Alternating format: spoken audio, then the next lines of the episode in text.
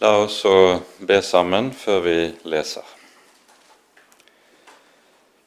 Kjære gode Herre og Hellige Far.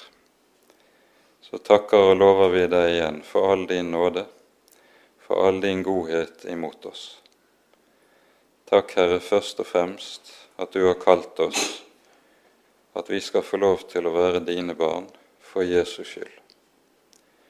Takk, Herre, for syndenes forlatelse i Hans navn. Takk, Herre, at du er trofast, og la din nåde være ny hver morgen.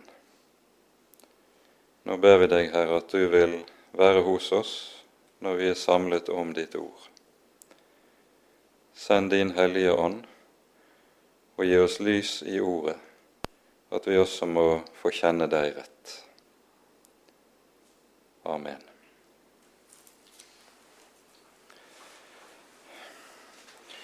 Sist gang tok vi altså for oss kallelsesberetningen eh,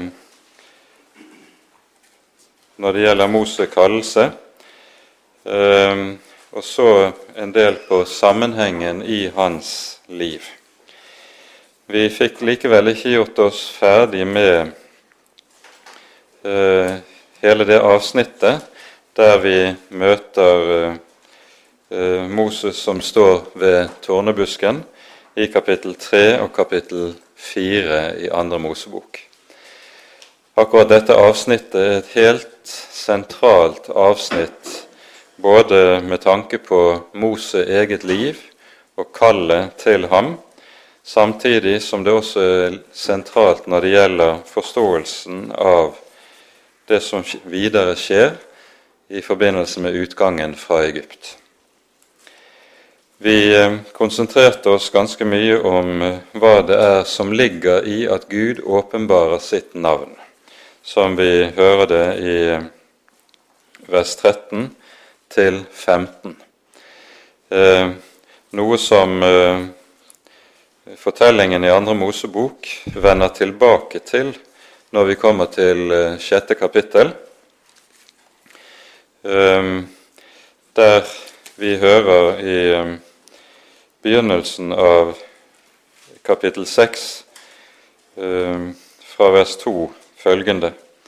Gud talte til Moses og sa til ham, Jeg er Herren. Jeg åpenbarte meg for Abraham, Isak og Jakob som Gud, den allmektige. Men ved mitt navn Herren var jeg ikke kjent av dem. Dette er en bemerkning når det gjelder åpenbaringen av Guds navn, som har fått tekstutleggere av andre Mosebok til å undre seg eh, meget. Det er jo nemlig slik at Guds navnet som åpenbares for Moses ved tårnebusken, det møter vi jo en rekke ganger også i Første Mosebok, i forbindelse med fedrehistorien. Så hvordan skal dette egentlig være å forstå? Det at Gud åpenbarer seg for fedrene som den allmektige, det er det hebraiske betegnelsen er El Shaddai. Ehm, det er en, eh, et gudsnavn som vi møter et par steder i Første Mosebok, men vi møter altså betegnelsen Herren en rekke ganger. Det som har vært, eller må ses på som den mest rimelige forklaringen på dette, er at navnet i seg selv, Herren, nok har vært kjent uh, for fedrene i form av ordlyden. Men hva som ligger i navnet, har ikke vært noe som har vært åpenbart før uh, Moses får det utlagt når han står foran tårnebusken. Og hvis vi leser videre nå utover i eh, andre Mosebok, så vil en legge merke til at den korte setningen som vi hører her i vers 2, 'Jeg er Herren', det er en setning som dukker opp om igjen og om igjen gjennom hele Andre Mosebok, hele 16 ganger i Andre Mosebok, og meget hyppig ellers i de øvrige Mosebøkene også. Og i Bibelen eh, er det videre, særlig hos profeten Jesaja, du også møter denne setningen ganske hyppig.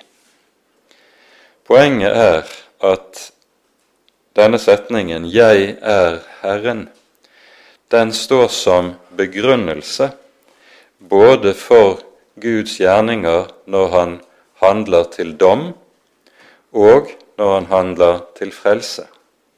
Jeg er Herren. Det vil vi se i fortsettelsen i noe av det vi skal ha for oss i dag. Samtidig står dette 'Jeg er Herren' også som begrunnelse for budene som Gud gir.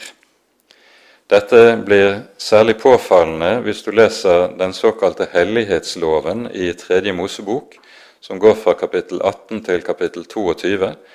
Der kommer setningen 'Jeg er Herren' som noe som stadig gjentas som en begrunnelse for budene. Tankegangen er altså fordi Gud er den han er, gjør han det han gjør, og sier det han sier. Altså alle Guds gjerninger og alle hans ord er begrunnet i Guds eget vesen, i Guds egen natur. I Johannes' åpenbaring hører vi Herren betegnes ved et særegent navn. Han sier at han er Amens Gud. Og Det er et uttrykk som er meget særegent og hentet fra Jesaja-boken. Og det er uttrykk for at Gud er ett med det han taler, han er ett med sitt ord. Her er Gud forskjellig fra mennesker.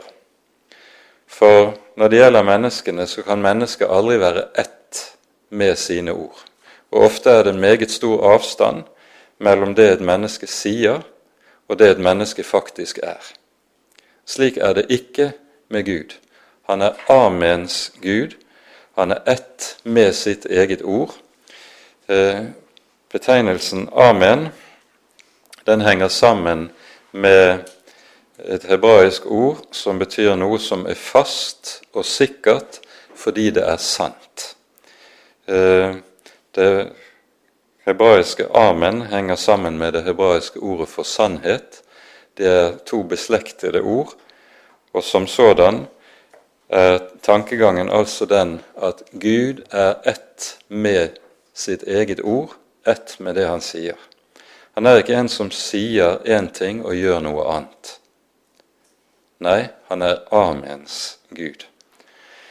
Og Det er noe av dette som altså ligger i dette, denne satsen som vi møter igjen og igjen her i Mosebøkene, og det er veldig viktig å legge merke til den. Det er lett for oss som bibellesere kanskje å hoppe over slike setninger, men det har en meget dyp og meget grunnleggende betydning.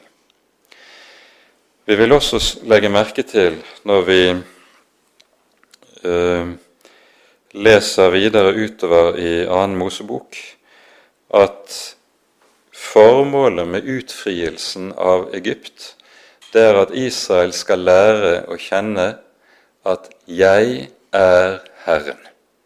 Dette sies gjentatte ganger. Eh, allerede f.eks. i kapittel 6, vers 7, der Gud eh, setter frem for Moses hva som er formålet med utfrielsen av Egypt, formålet med at han tar Israel til sitt folk. Det er, sies det her, jeg vil ta dere til mitt folk, og jeg vil være deres Gud, og dere skal kjenne at jeg er Herren, deres Gud, Han som fører dere ut fra de tunge byrder egypterne har lagt på dere.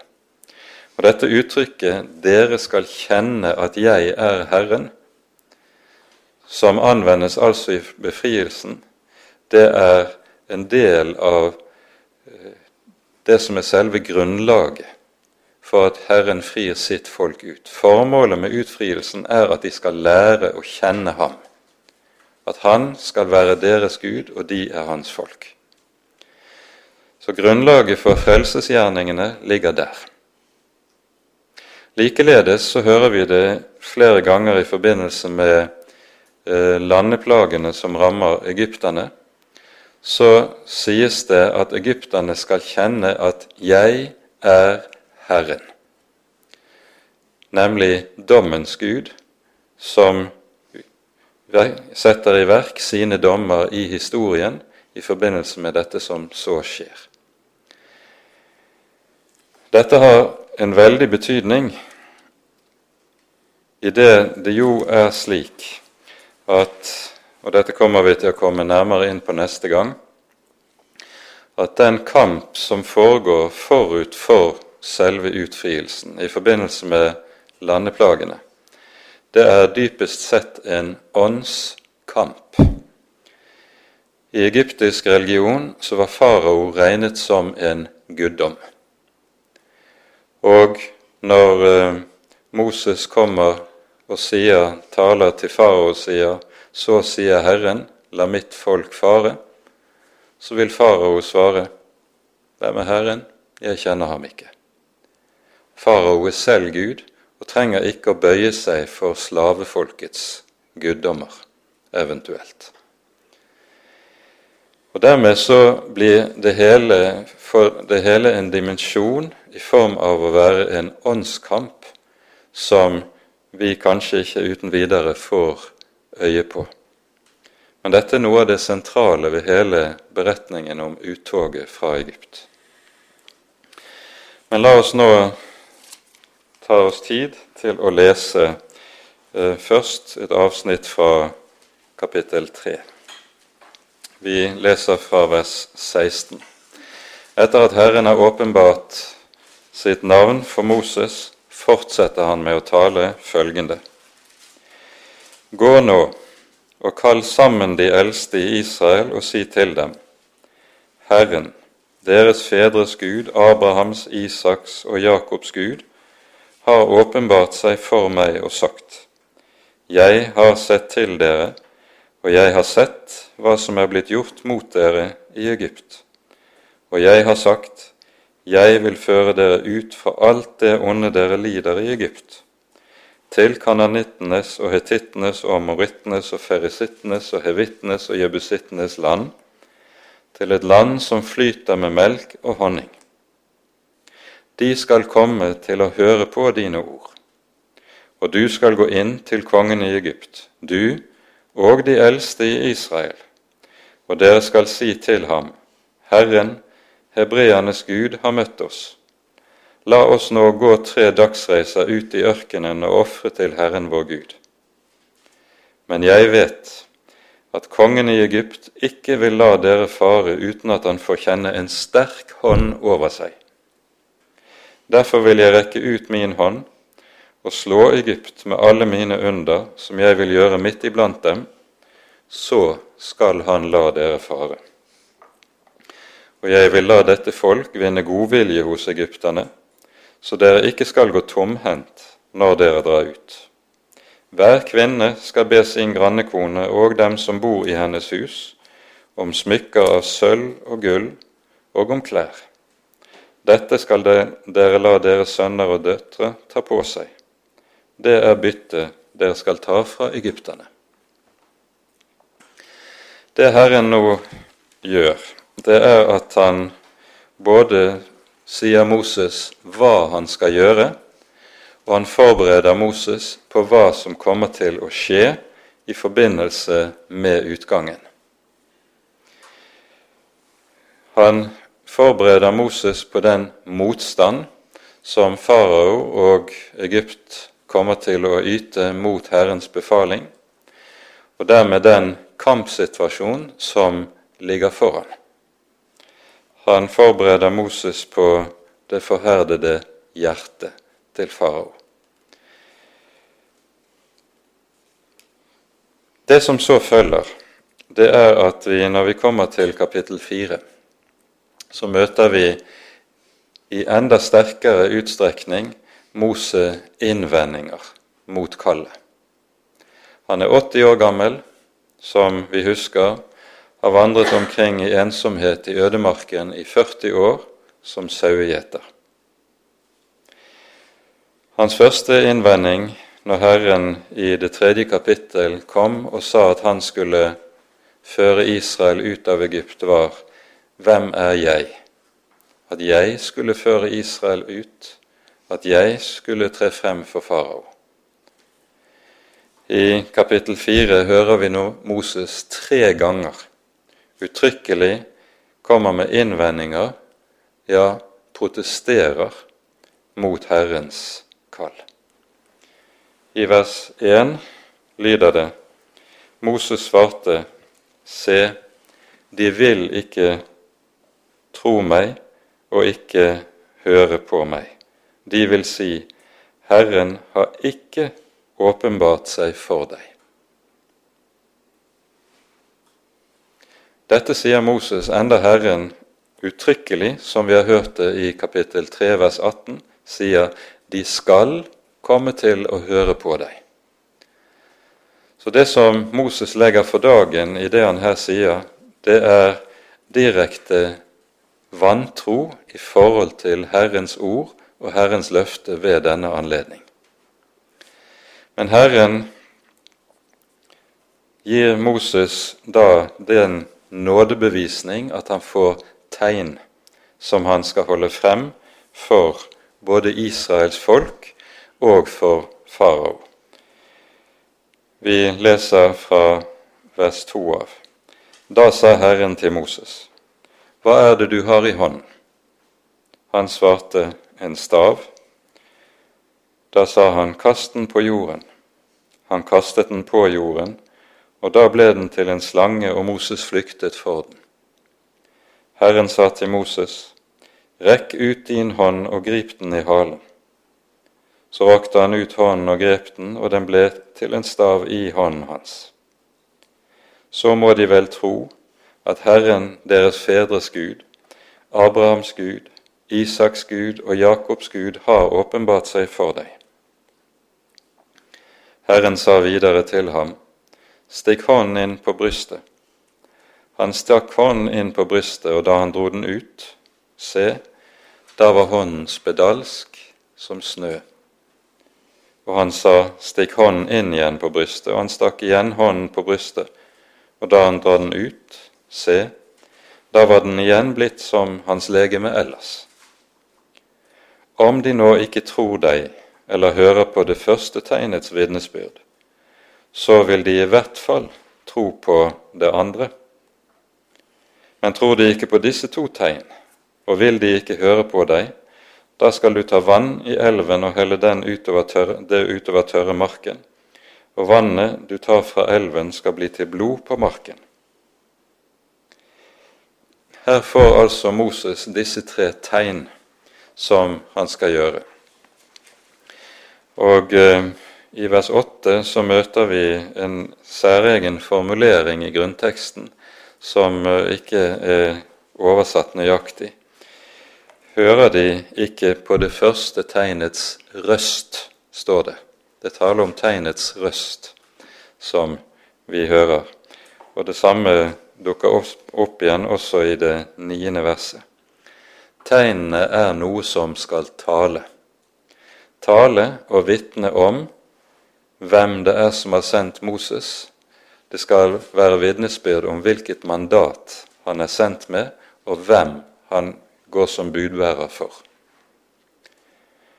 Men så kommer Moses på ny med en innvending. Moses sa til Herren, Hør meg, Herre, jeg har aldri vært noen ordets mann, verken før eller nå etter at du begynte å tale til din tjener. Jeg er tung i melet og tung i tale. Men Herren sa til ham, Hvem har gitt mennesket munn? Hvem er det som gjør stum eller døv, seende eller blind? Er det ikke jeg, Herren? Gå nå, du, jeg vil være med din munn og lære deg hva du skal tale.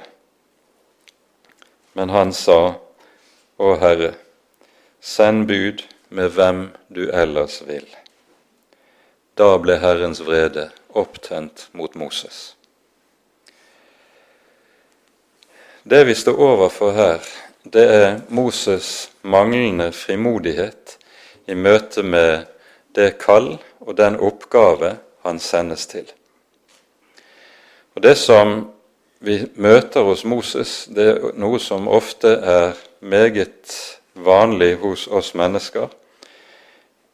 Vi grunner vår frimodighet på, eller eventuelle mangel på sådan, på hva vi selv er eller har, ikke på Guds ord og løfte.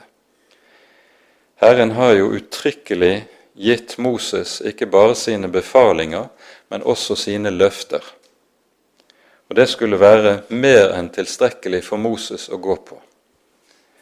Men øynene hans henger så sterkt ved hva han selv er, hvor liten, hvor ubetydelig han selv er, så han klarer ikke å fri seg fra den tanken at Gud er begrenset av hans maktesløshet, av hans manglende forutsetninger for å gå inn i denne oppgaven.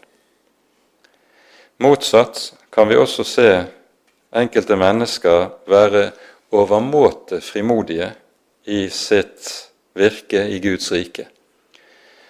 Men det er en frimodighet som er grunnet i hva de selv er, ikke i hva de eier i Herren. Og Dette har med det som er mye av vårt problem som kristne. Vi regner i så veldig sterk utstrekning med oss selv og hva vi selv er og har, i stedet for å regne med Herren, hvem Han er, og hva Han har lovet.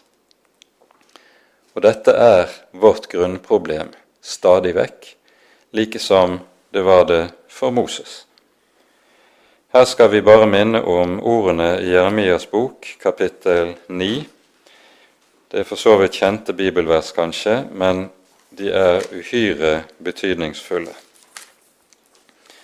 Jeremia 9, 23 eh, og 24 leser vi følgende. Så sier Herren, den vise skal ikke rose seg av sin visdom. Den sterke skal ikke rose seg av sin styrke, og den rike skal ikke rose seg av sin rikdom.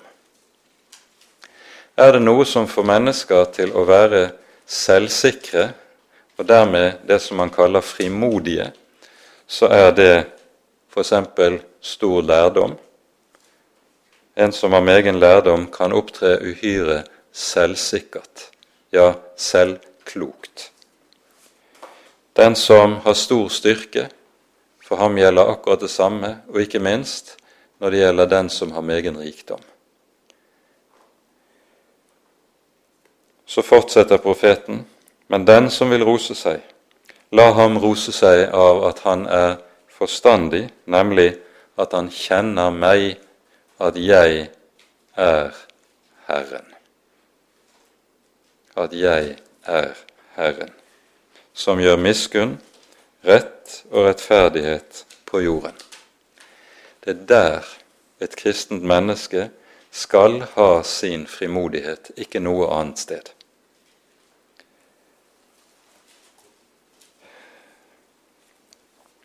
Senere hen i Mosebøkene så ser vi at eh,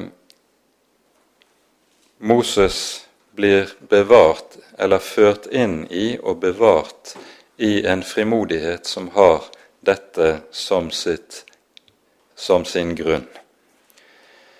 Eh, I Fjerde Moseboks tolvte kapittel hører vi denne lille episoden der Aron og Miriam baktaler Moses. Og Da gis Moses en attest. Han, det står om ham at han var en såre, saktmodig mann, mer enn alle mennesker på jorden. Um, I det å være saktmodig så ligger det å ikke ta seg til rette. Ikke gå i egen kraft, ikke stole på egen styrke, men nettopp det å stå i den stilling at en regner med Herren i stedet for å regne med seg selv. Dit inn var Moses gradvis blitt ført, men det tar et stykke tid. Vi ser i kapittel 5 her i annen Mosebok at når de møter den første motstand fra farao, farao hvor hårdt farao svarer på Guds befaling, så ser vi at Moses er ved å miste motet igjen ganske raskt. Frimodigheten er enda ikke gitt sikker grunn, noe som den senere får.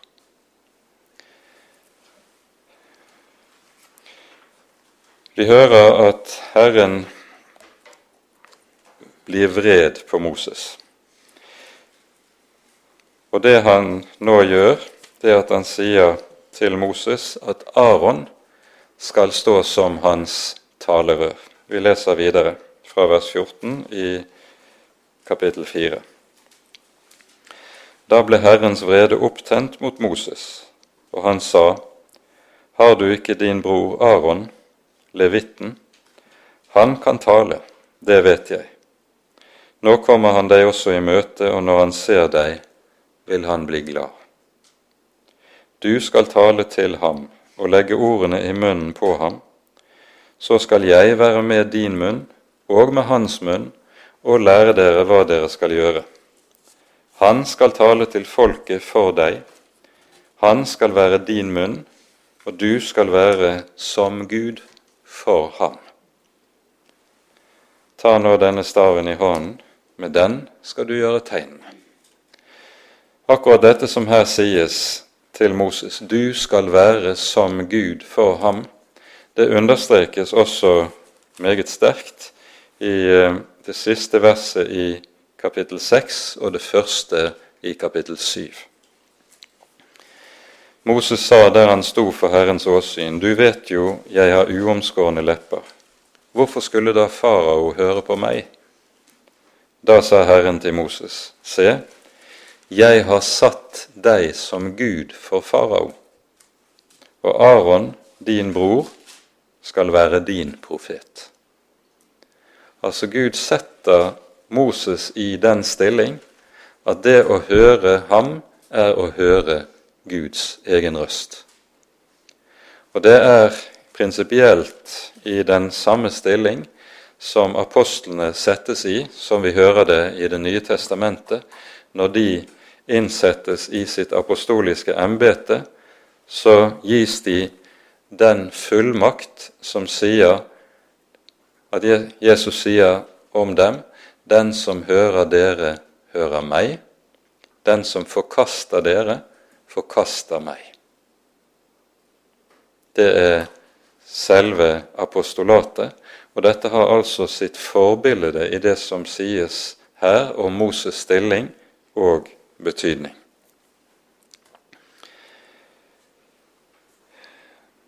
Aron er Moses' eldrebror. Vi hører han er tre år eldre enn Moses. Og eh, i den stamtavle til Moses og Aron som vi ser i siste halvdel av kapittel 6, der hører vi om en levealder i denne slekten som var til dels meget høy. Flere av fedrene der dør ikke før de er 120, 130, ja over 130 år gamle. Så at Moses lever til han er 120 år gammel, som vi hører, det er noe som for så vidt ligger i hans slekt, som vi hører det allerede her. Nå bryter Moses opp for å dra. Han drar først hjem for å hente sin familie og ta dem med seg til Egypt. Og så skjer det dramatiske ting på veien. Vi leser videre fra vers 18. Så gikk Moses. Da han kom tilbake til Jetro sin svigerfar, sa han til ham, La meg nå få dra tilbake til brødrene mine i Egypt, og se om de ennå er i live. Og Jetro sa til Moses, dra bort i fred. Og Herren sa til Moses i Midian, dra av sted og vend tilbake til Egypt. Nå er de døde, alle de som sto deg etter livet. Så tok Moses sin kone og sine sønner og satte dem på et esel og vendte tilbake til landet Egypt. Og Moses tok Guds stav i hånden. Og Legg merke til denne betegnelsen som nå anvendes på Moses' vandringsstav. Nå kalles den Guds stav. Og denne stav, den ser vi senere i forbindelse med utgangen kommer til å få en veldig betydning.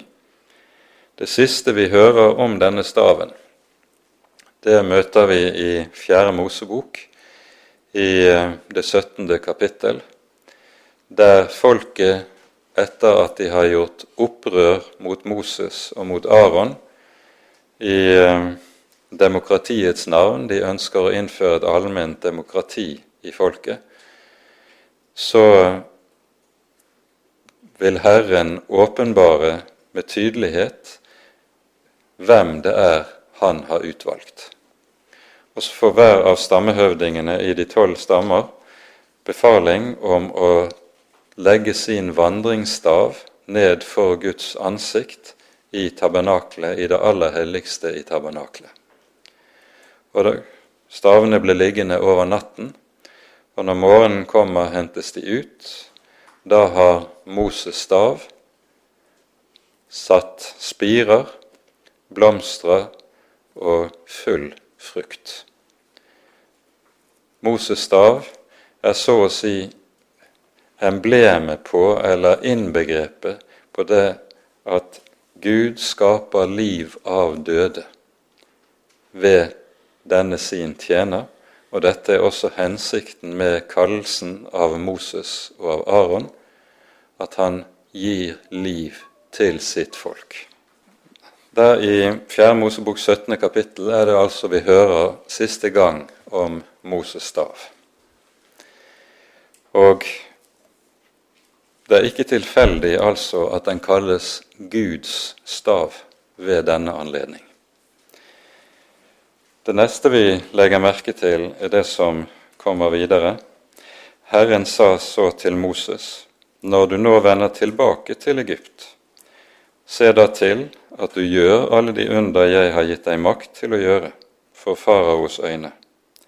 Men jeg vil forherde hans hjerte, så han ikke lar folket fare. Da skal du si til farao, så sier Herren, min sønn, min førstefødte, er Israel. Jeg sa til deg, La min sønn fare, så han kan tjene meg. Men du ville ikke la han fare. Derfor vil jeg nå slå i hjel din sønn, din førstefødte. Og så varsles altså allerede her det som kommer til å skje påskenatten, kanskje et halvt år senere, i forbindelse med at lammet er slaktet og lammets blod strøket på dørkarmene i husene der de befinner seg. Men det som vi også merker oss her, det er det navn Herren her gir Israel. Min sønn er Israel, min førstefødte. Det er et navn på Israel som vi senere møter igjen om igjen og om igjen i Den hellige skrift, og som henger på det nærmeste sammen med at Herren kaller seg sitt folks far. Han er far for sine troende, far for sitt folk. I femte Mosebok, første kapittel, sies det etter at Moses kan se tilbake på ørkenvandringen Herren bar deg på sine armer som en far bærer sin sønn. Og vi hører også videre utover gjennom Skriften at Herren slik lar seg kalle far og Israel sin sønn. Kanskje den viktigste avsnittet i denne sammenheng er Hoseabokens ellevte kapittel. Der hører vi i det første verset at profeten minner om hvorledes Herren kalte Israel ut av Egypt. Jeg kalte min sønn opp fra Egyptens land. Og denne, dette ordet anvendes jo i Matteusevangeliets andre kapittel som en profeti om hvorledes Herren Jesus som Guds egentlige sønn kalles opp fra Egypten etter flukten dit ned. Det vi også møter her i dette avsnittet, det er talen om faraos forherdelse. Herren varsler Moses uttrykkelig om faraos forherdelse, og vi hører også at det antydes at Herren selv vil forherde faraos hjerte. De som har eh, gått igjennom dette i detalj, de, kan, de har lagt merke til at hele 20 ganger her i annen Mosebok tales det om faraos forherdelse. Ti ganger sies det at farao forherdet seg selv, eller forherdet sitt hjerte. Ti ganger sies det at Herren, Herren forherdet faraos hjerte. Og Det som da er viktig å merke seg i dette, det er at de to første gangene det står om at Herren forherder faraos hjerte. Det er først her i 4.21, og dernest andre gang i syvende kapittel i vers 3. Jeg vil forherde faraos hjerte, og jeg vil gjøre mange tegn og under i landet Egypt. Der er det talt profetisk om det som ligger foran. For det som er dynamikken i dette, det er at vi hører fra de første plagene som rammer Egypt. Der sies det som, nesten som et omkved farao forherdet sitt hjerte. Farao forherdet sitt hjerte. Det brukes tre ulike eh, uttrykk for dette i grunnteksten. Det ene uttrykket det betyr eh, å gjøre hard, hard dvs. Si ufølsom, det andre uttrykket betyr bokstavelig å gjøre seg tung, dvs. Si, eh, upåvirkelig. Og for det tredje uh, gjøre seg selv stiv eller hard, som betyr at man gjør seg selv ubevegelig. Det er ikke noe som vil kunne bevege en. Disse tre ulike, ulike uttrykkene anvendes altså om faraos forherdelse. Og det sies altså i forbindelse med de fem første plagene at farao forherder seg selv. Men så, fra og med den sjette og syvende plagen, så lyder det Herren forherdet faraos hjerte. Og Det vi ser i dette, det er noe som er en Guds dom. For det er slik, og dette er en åndelig lovmessighet som ligger i det, der menneskene stadig forherder seg mot Herren, mot Hans kall, mot Hans tiltale, der vil en til slutt komme til å nå en grenselinje der en går over fra en selvvalgt forherdelse til en gudpålagt forherdelse. Og da er det ikke lenger mulig for et menneske å kunne vende om. Dette taler Bibelen meget alvorlig om. Eh, farao er et av de eh, viktigste bibelske forbildene i så måte. Men vi hører samme saken også kommer til å gjelde Israels folk som folk. Og Dette skjer på Jesajas tid, Der er det vi i Jesaja-bokens sjette kapittel, der Herren har åpenbart seg for profeten og skal fornye sitt kall til ham, så spør Herren først hvem skal vi sende? Hvem vil gå for oss? Og Jesaja svarer, se, her er jeg, send meg. Han har fått renset, blitt renset fra alle sine synder, og sier nå, se, her er jeg, send meg. Og så er det Herren sier, gå og si til dette folk, hør og hør, men forstå ikke, se og se, men skjønn ikke. Gå og gjør dette folks hjerte hårdt, og klin dets øyne til, så de ikke skal se og skjønne, så de kan omvende seg. Fra denne tid av begynner Gud selv å forherde det folk som gjennom så mange århundrer har forherdet seg selv mot Hans ord, mot Hans lov og mot Hans profeter. Og så blir denne Guds dom, forherdelsesdommen, noe som i sin tid innvarsler den ytre historiske dom, som kommer i form av Jerusalems ødeleggelse ved babylonerne. Det samme møter vi også igjen i Det nye testamentet. Så her står vi overfor en åndelig lovmessighet som er uhyre alvorlig, og som Bibelen altså ikke skjuler for oss. Samtidig som dette er sagt, så må det også gjøres klart at vi mennesker ikke er i stand til å se eller vite om noen hvordan, hvor de ligger på denne skalaen. Dette er noe som Gud alene i sitt råd ser og vet. Vi mennesker vet ikke. Vi skal forkynne overfor alle mennesker både lov og evangelium på en slik måte at det skal ligge klart for dem. Her ligger gaven, de skal forkynnes for dem som om de kunne komme inn i Guds rike hvem som helst og når som helst, bare de hører og tar imot kallet. Vi skal så, enten det nå er blant tårner eller på steingrunn, akkurat som Herren Jesus gjorde det. Og så får det være vi kan få ordet til menneskenes ører.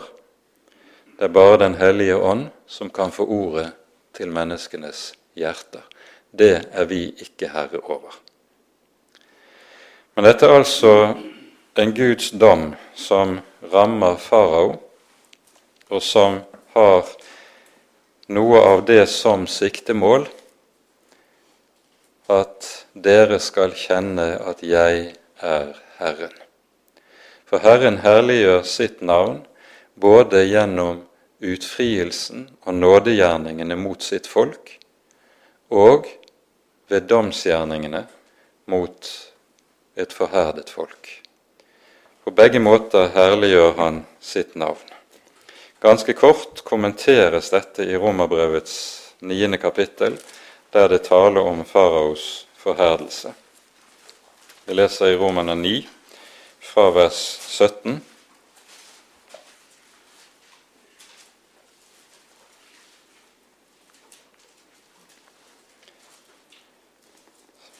Skriften sier til farao, nettopp til dette reiste jeg deg opp, at jeg kunne vise min makt på deg, og at mitt navn skulle bli forkynt over hele jorden. Altså, hvem han vil, den viser han miskunn, og hvem han vil, den forherder han. Dette er Guds gjerning i dette stykket, og så er dette en del av alvoret i Bibelens budskap. Når Moses nå drar av gårde, henter sin hustru og sine to sønner, så for å ha de med seg tilbake til Egypt, så skjer det noe på veien som gjør at Moses må sende sin kone og sine to sønner tilbake til Jetro. Vi leser eh, fra vers 24 i kapittel 4. Mens de var på veien på et hvilested, skjedde det at Herren kom mot ham og ville ta livet av ham. Da tok Sippoa en skarp stein, med den skar han bort sin sønns forhud og kastet den for Moses' føtter og sa:" Du er meg en blodbrudgom. Så lot Herren ham være. Da sa hun, en blodbrudgom for omskjærelsens skyld.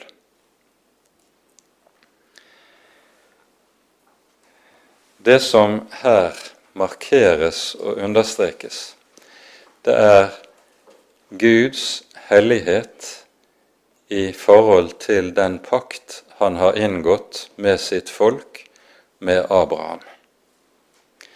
Moses har to sønner. Den første står navngitt i kapittel 2. Han het Gersom. Han er sannsynligvis blitt omskåret. Den andre navngis i kapittel 18. Han heter Eliesa. Han var antagelig ikke blitt omskåret. Eh, og at det er denne Moses' yngste sønn som det da handler om i denne sammenheng. Og vi hører på Sippora at det antagelig er hun som da har satt seg imot at Moses skal omskjære sine sønner i henhold til pakten Gud har inngått med Abraham. Og Moses har gitt etter for henne, sånn at deres yngste sønn ikke er blitt omskåret. Vi hører med hvilken vrede og med hvilken frustrasjon Sippora reagerer i denne sammenheng. Og egentlig med dette avsløres at hun ikke er skikket til å stå ved Moses' side i det som ligger foran nå i forbindelse med utgangen av Egypt. Så hun sendes tilbake til sin far, til Moses' svigerfar. Omskjærelsen er noe som innstiftes i pakten med Abraham, slik vi hører det i Første Moseboks 17. kapittel. Og Vi tar oss tid til å lese et par vers derfra.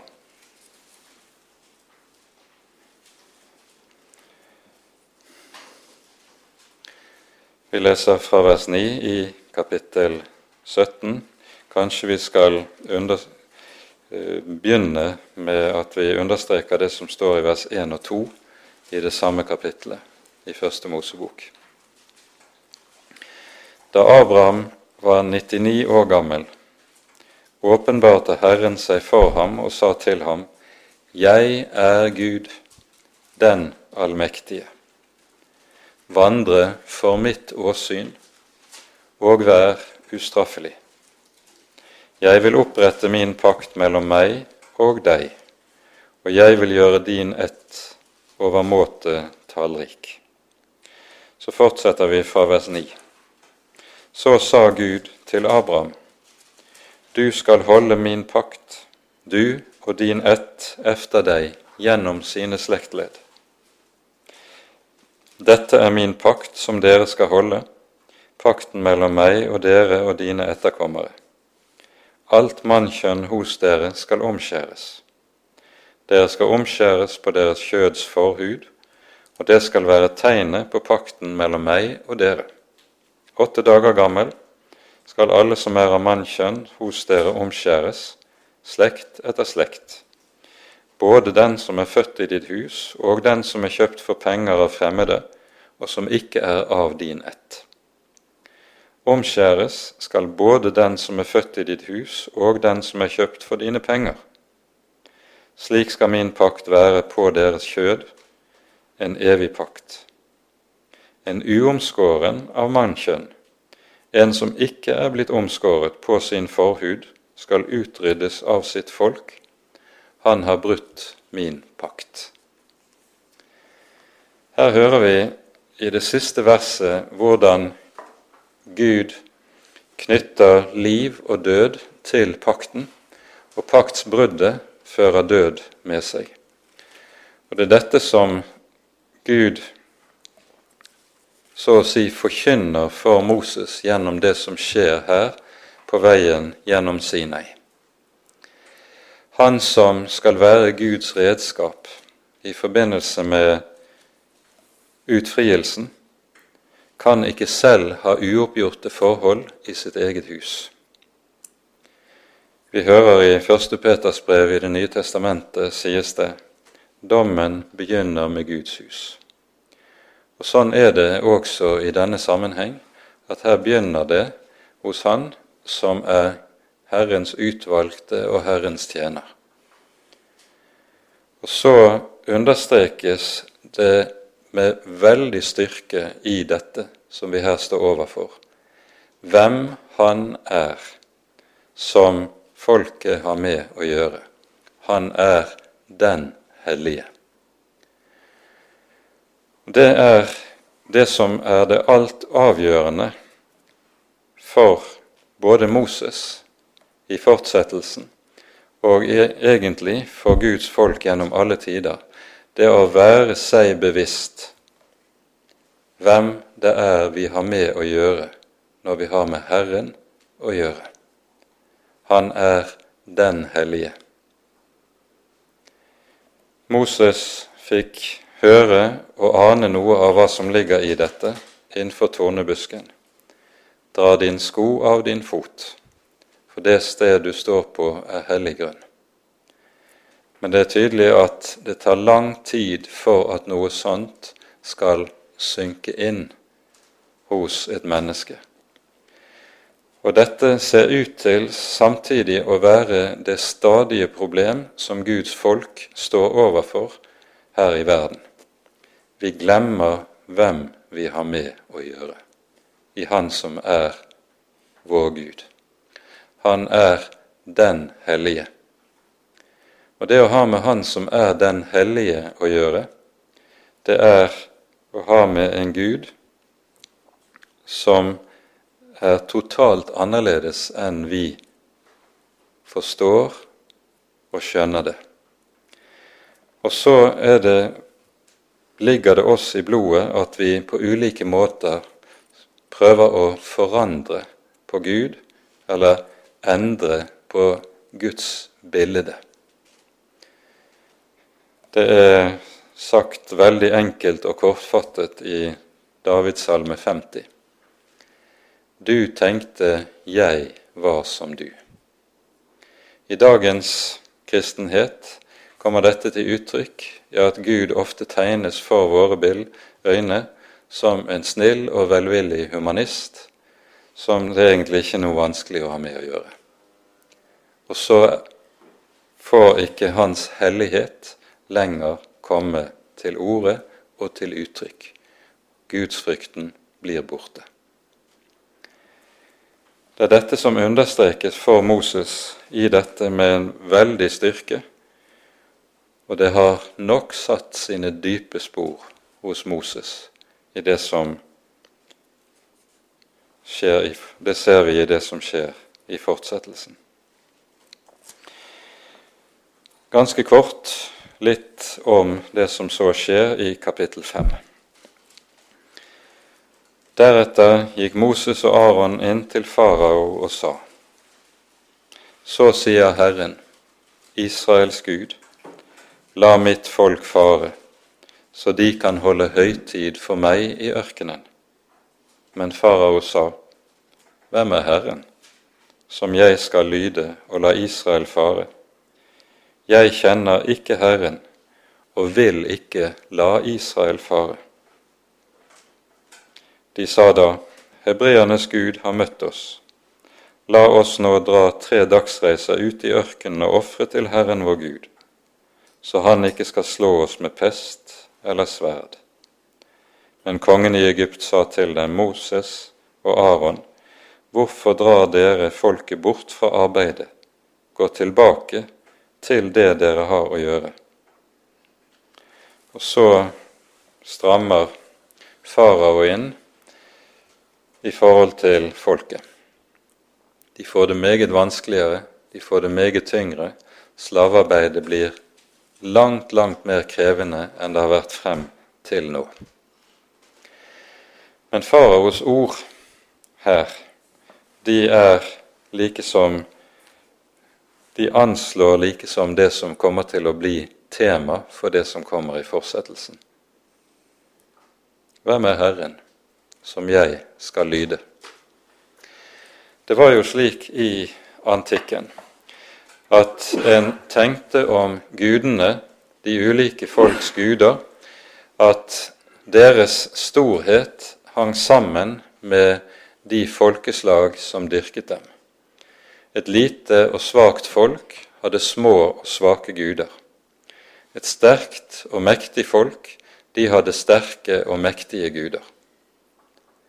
Når Israel er et slavefolk under Egypt, så er det klart, etter det som var tankegangen i samtiden, at da må selvfølgelig Israels Gud også være en svak Gud som ikke er i stand til å hjelpe sitt folk. Hvem er Herren? Jeg kjenner ham ikke. Hvorfor skal jeg lyde en slik Gud? Det er det som ligger i faraos bemerkning i det vi hører. Mens på motsatt side så er det jo slik at Egypt det er datidens ubestridde supermakt. Og som nettopp denne supermakt er det de også kan tro og regne med og skryte av å ha de mektigste gudene. Hvem er Herren, at jeg skal lyde Han? Han er jo intet. Det er Egyptens guder som er de mektige og har makten. Og så ligger dermed hele scenen lagt for det som kommer i fortsettelsen. For så skal farao lære å kjenne hvem som er Herren, Han som er himmelens og jordens Gud, og ikke bare et lite slavefolks Gud, Han som er altets skaper og Herre. Og det er dette Gud så å si demonstrerer gjennom det som nå skjer i fortsettelsen, hvem Han er. Og så slås bena under hele hedenskapets måte å tenke om guddom og religion, slik vi finner det i oldtiden. Vi rekker ikke mer i dag, men med dette er det hele, så å si, hele scenen lagt gjort klar for det dramaet som nå utspiller seg, og som begynner med landeplagene som rammer Egypt. Herren legger sin sterke eller sin tunge hånd på Egyptens land for å tvinge dem til å la sitt folk fare. Og så la, la han ved sterk hånd og utdrakt arm folket komme fri fra trelldommen. Fri fra trelldommen for at han skal være deres Gud. Og Dette blir Israels kall og nasjonale oppgave, det som er årsaken til at de kalles. De skal være det folk der Han som er den eneste sanne Gud, åpenbarer seg og gjør seg kjent i menneskeheten. Men mer om det når så langt kommer. Ære være Faderen og Sønnen og Den hellige ånd, som var og er og være skal, en sann Gud, høylovet i evighet. Amen.